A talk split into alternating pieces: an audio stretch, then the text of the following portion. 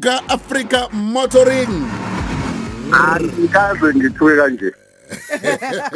Ngicela fight manje lase liduma la kumina kwavele kwaduma ifoni yaphuma ngesunroof lithi mina kwenzeka yawa ya- yacisha Hayi yabona nje abalaleli baxaye ukuthi ayibo Kwenze kwenzekalani manje? Ayi ayi ngeke ah. uyabona ukushiswa kwempepho kanti awukho emsamo. Isipele manje uyayize iboni iyashunqa ukuthi hayi. Ubani- ubani lo seshisa impepho? Nginga- mina ngingakakhulumi ngingakashiwa nalokhu kushisa impepho ngesingisi? Hayi. Ah my nako. dad. Ah, my i hope dad. you will understand. Yeah. no. Siyagowisha baba. Sakho uyazi ukuthi kuraf kuraf ngalendlela shenge kuraf siphile esikhathini esinzima. Awungishaye ngento ezincane hawu akazazi into encane umuntu omdala. Sibo ugrad mfowethu? Esibeke eh sipho ngibingelele studio ngibingelele ku Simroza ngibingelele eh naku naku oh okay. Kokonolwazi kwababheke uzobaqeda bonke. bese ngibingelela ngokukhethekile abaleli bahle bokhozi. Hey futhi sipho ngibingelele kwi rank yasekwelezane kade sikhona izolo shooter ngithi nje sibonga kakhulu impatho. Bathi ke ivuka eh, Africa Motoring isingenile. Hayi mfowethu ngenile ngiyangithe ngijabula nami ukubona eh, amazwibela ama episodes lapha ku ku- ku- kwimoto online social media ukuthi hey kusuke kuzokhulunywa ngeinto eziningi ezisithintayo. Mfethu sikhuluma nomuntu sisiza umuntu ukuze umuntu ahlale azi izinto. Asiqale ngakho kusiza umuntu sibona. Namhlanje eh, ngeke ngathi fahla kancane nje saqala kwishow ngabona ukuthi abantu abaningi ba- i- i- i- iyabathinta lento yini esiyibhekayo kakhulu namhlanje? Sipho sibonile ingozi ziyenzeka emgaqweni. Siyabona abantu bayalahlekelwa imphefumulo. Omunye uthola ukuthi kuney'nsolo zokuthi bekune kune kunento zokuphuza bengathayeli kahle emgaqweni bephula umthetho. Ngase ngithi ake ngibuke ngeso le- lomshwalense ukuthi ke uma mina sipho nginemoto eh ngiyinike umngani wami noma ngiyinike ubani senze ngiyinike umngani wami ngithi bethu ngayisebenzisa imoto uhamba uye endaweni ethize. Bese yayithatha imoto eh mhlambe athi uma efika endaweni ethize akube khona akudlayo eh a- angene emgaqweni bese iba sengozini. Bese yabuka ukuthi yini engenzeka kumina eh kuleso sikhathi. Sithintane no- no- ngoba i- i- i- into kanjena sipho ibisi idinga abantu ngokusemthethweni abavumelekile ukuthi bayikhulume eh banike ulwazi.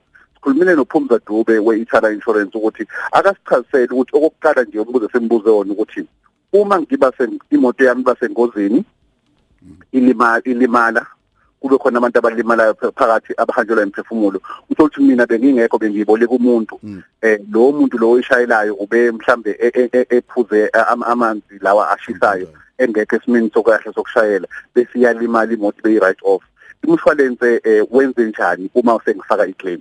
Eh esimeni ke sama claims eh akubi eh akubi into e- e- e- eba ukuthi siya decline noma siya approve eh kuyaye ku depend kwi merit ye case i case ne case ayifani. So ithethwa as ingokuhlukana eh, eh, as, much as possible ukuthi it's not the same thing.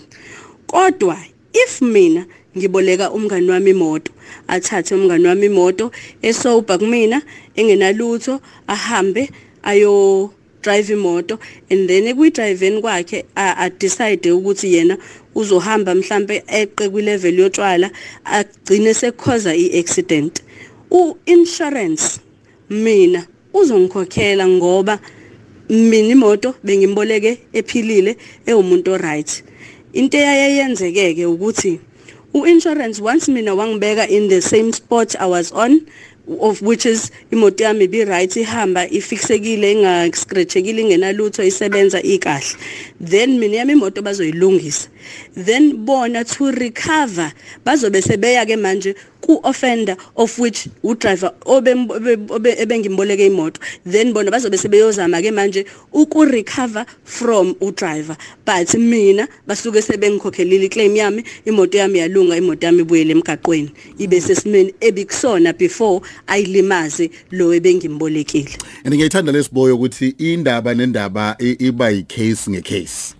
Yebo and okubalekile la ukuthi eh wena uyakwazi ukuthi as umnini wemoto uthi cha ngimnike esopa lo muntu wahamba uyena obese enza lokhu ongekho emthethweni. So umshwalense kumele ukuthi ungibuyisele mina esimweni kodwa njengoba ngisho beyibekile. Okunye ke sikubuzile sipho ukuthi asithi ke iya decline imoto mhlawumbe asithi imoto iba i write off isiya decline insurance naku imoto isi scrap isishayisile sihleli la ekhaya iba ibuyisile be insurance kodwa imoto isa finance uyakwazi yini ukuthi ukuthi kwibank hayi imoto yami ibe right off so ngeke ngisayikhokhela? Simbuze lokho uphumza wase ephendula kanje. Eh uma ngabe ke i insurance inqaba ukukhokhela imoto yakho oyifinanceile eh i finance house u liable ukuthi ukhokha ama installment ngalendlela enanivumelene ngayo kwi contract ngesikhathi uthatha uinsurance ukuthi wenzani or wenza yini ongayenzanga? The responsibility yokuthi kukhokhwe ama installment lies with uborrower which would be me. If ngihambile ngaye bank ngayokwenza i-loan yemoto fanele ngikhokhe i-loan yemoto as per i-contract. If mina angisakhokhi then ibank linelungelo lokuthi li ngilandele liqale ama collection processes because phela fanele imali yabo bayirecover le bayikhokha kwidila ngoba kahle kahle idili isuke singikhokheliye ngithengelile imoto then ibank fanele ngilikhokhele back kancane kancane. Eh so if mina ngithi ke hayi imoto yashayiswa so angisezi ukuyikhokhela awukwazi ukwenza into enjalo.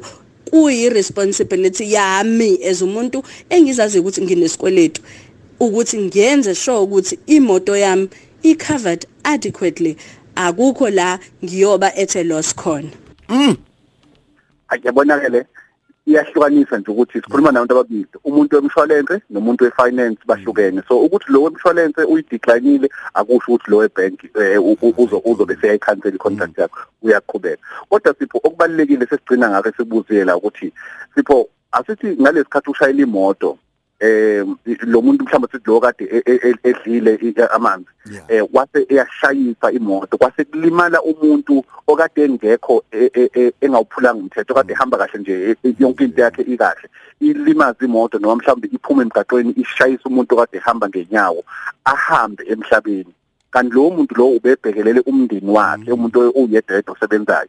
Bayakwazi nabomndeni ukuthi babuye baze kumina umnini wemoto elimazile bazothi ukuhambe ubaba kuhambe umama okade eshayiswe uwena imoto yakhe ingekho emthethweni or ingekho esimeni semthethweni osibange ukuthi ube ingozi baseyahamba so sicela ke wena ke ukuthi kube wena ke manje osinika imali yokuthi sikwazi ukuphila. Ube seyivala kanje eh unfortunately for umndeni eh awuvumelekile ukuza kumina as umnikazi wemoto eh bazofaka any claim against me.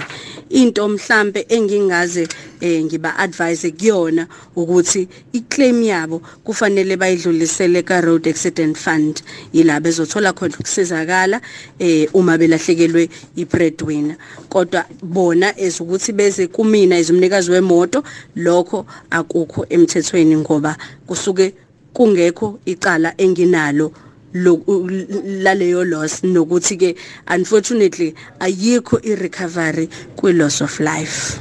Yeah ayi yabona sipho le? Mina ithe ungithusa sipho ngoba bekunokujwayeleka ukuthi kwa road accident fund uya umuntu mhlambe osindile ngozini waseyalimala bese yakuyiclaim leyo ukuthi uma kuukuthi umuntu okade ebhekelela umndeni uyakwazi uya ku road accident fund uyakwazi ukuthi uyothi konani sicela road accident fund isize ngoba ngengozi yemoto road accident. Sicela ifund ikwazi ukuthi isinike into yokwazi ukuphila ngoba phela lo muntu okade esiphilisa asekho.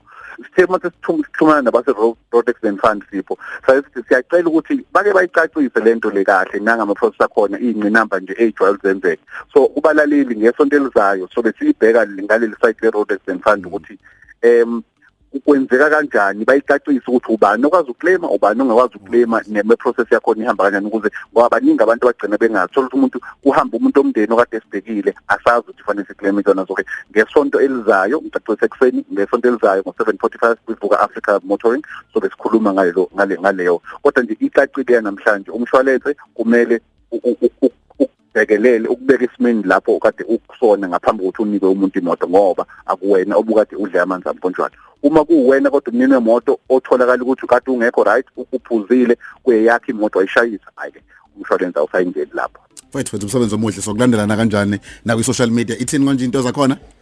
Mfethu eh ngithi kancane nje kuma motor deals ngoba uhlala abantu bengasali. Bazothi uma ukuthi ukhokha imali engaphezulu kwa 2000 ngenyanga kwi public transport kahle kahle usenkingeni ngoba manje thina sekunika imoto okwazi ene reverse camera ene navigation ey automatic ene ABS e-dual enama airbags amabili LED time light. I-service plan ka 2 years service amahhala for 2 years i-warranty ya 5 years. La sikhuluma ngemoto okhokha 2000 ngenyanga uma sikhuluma eh, nge-Renault Kwid or uma ukuthi ufuna i-Renault i-Tiber ukhokha 2499 ngenyanga. Sonke into engiyichazayo. Bakwethu ungena e-, endaweni kahle i-Kwid ukwazi ukuthola umshwalense wamahhala for unyaka wonke. Bese sivala ke nje sithi uma uthi ungena embonini yamatekisi imoto deal namhlanje sinawo ama-quantum so hlala kuthina iya ku-Facebook imoto online bese uya kwi-Twitter imoto underscore online bese uya kwi-Instagram imoto media. Ukhumbuleke uyakwazi ukusimelela ku special at imotoonline.co.za special at imotoonline.co.za uma uya ku Facebook uthola yonke imininingwane naye WhatsApp sibonge kakhulu balaleli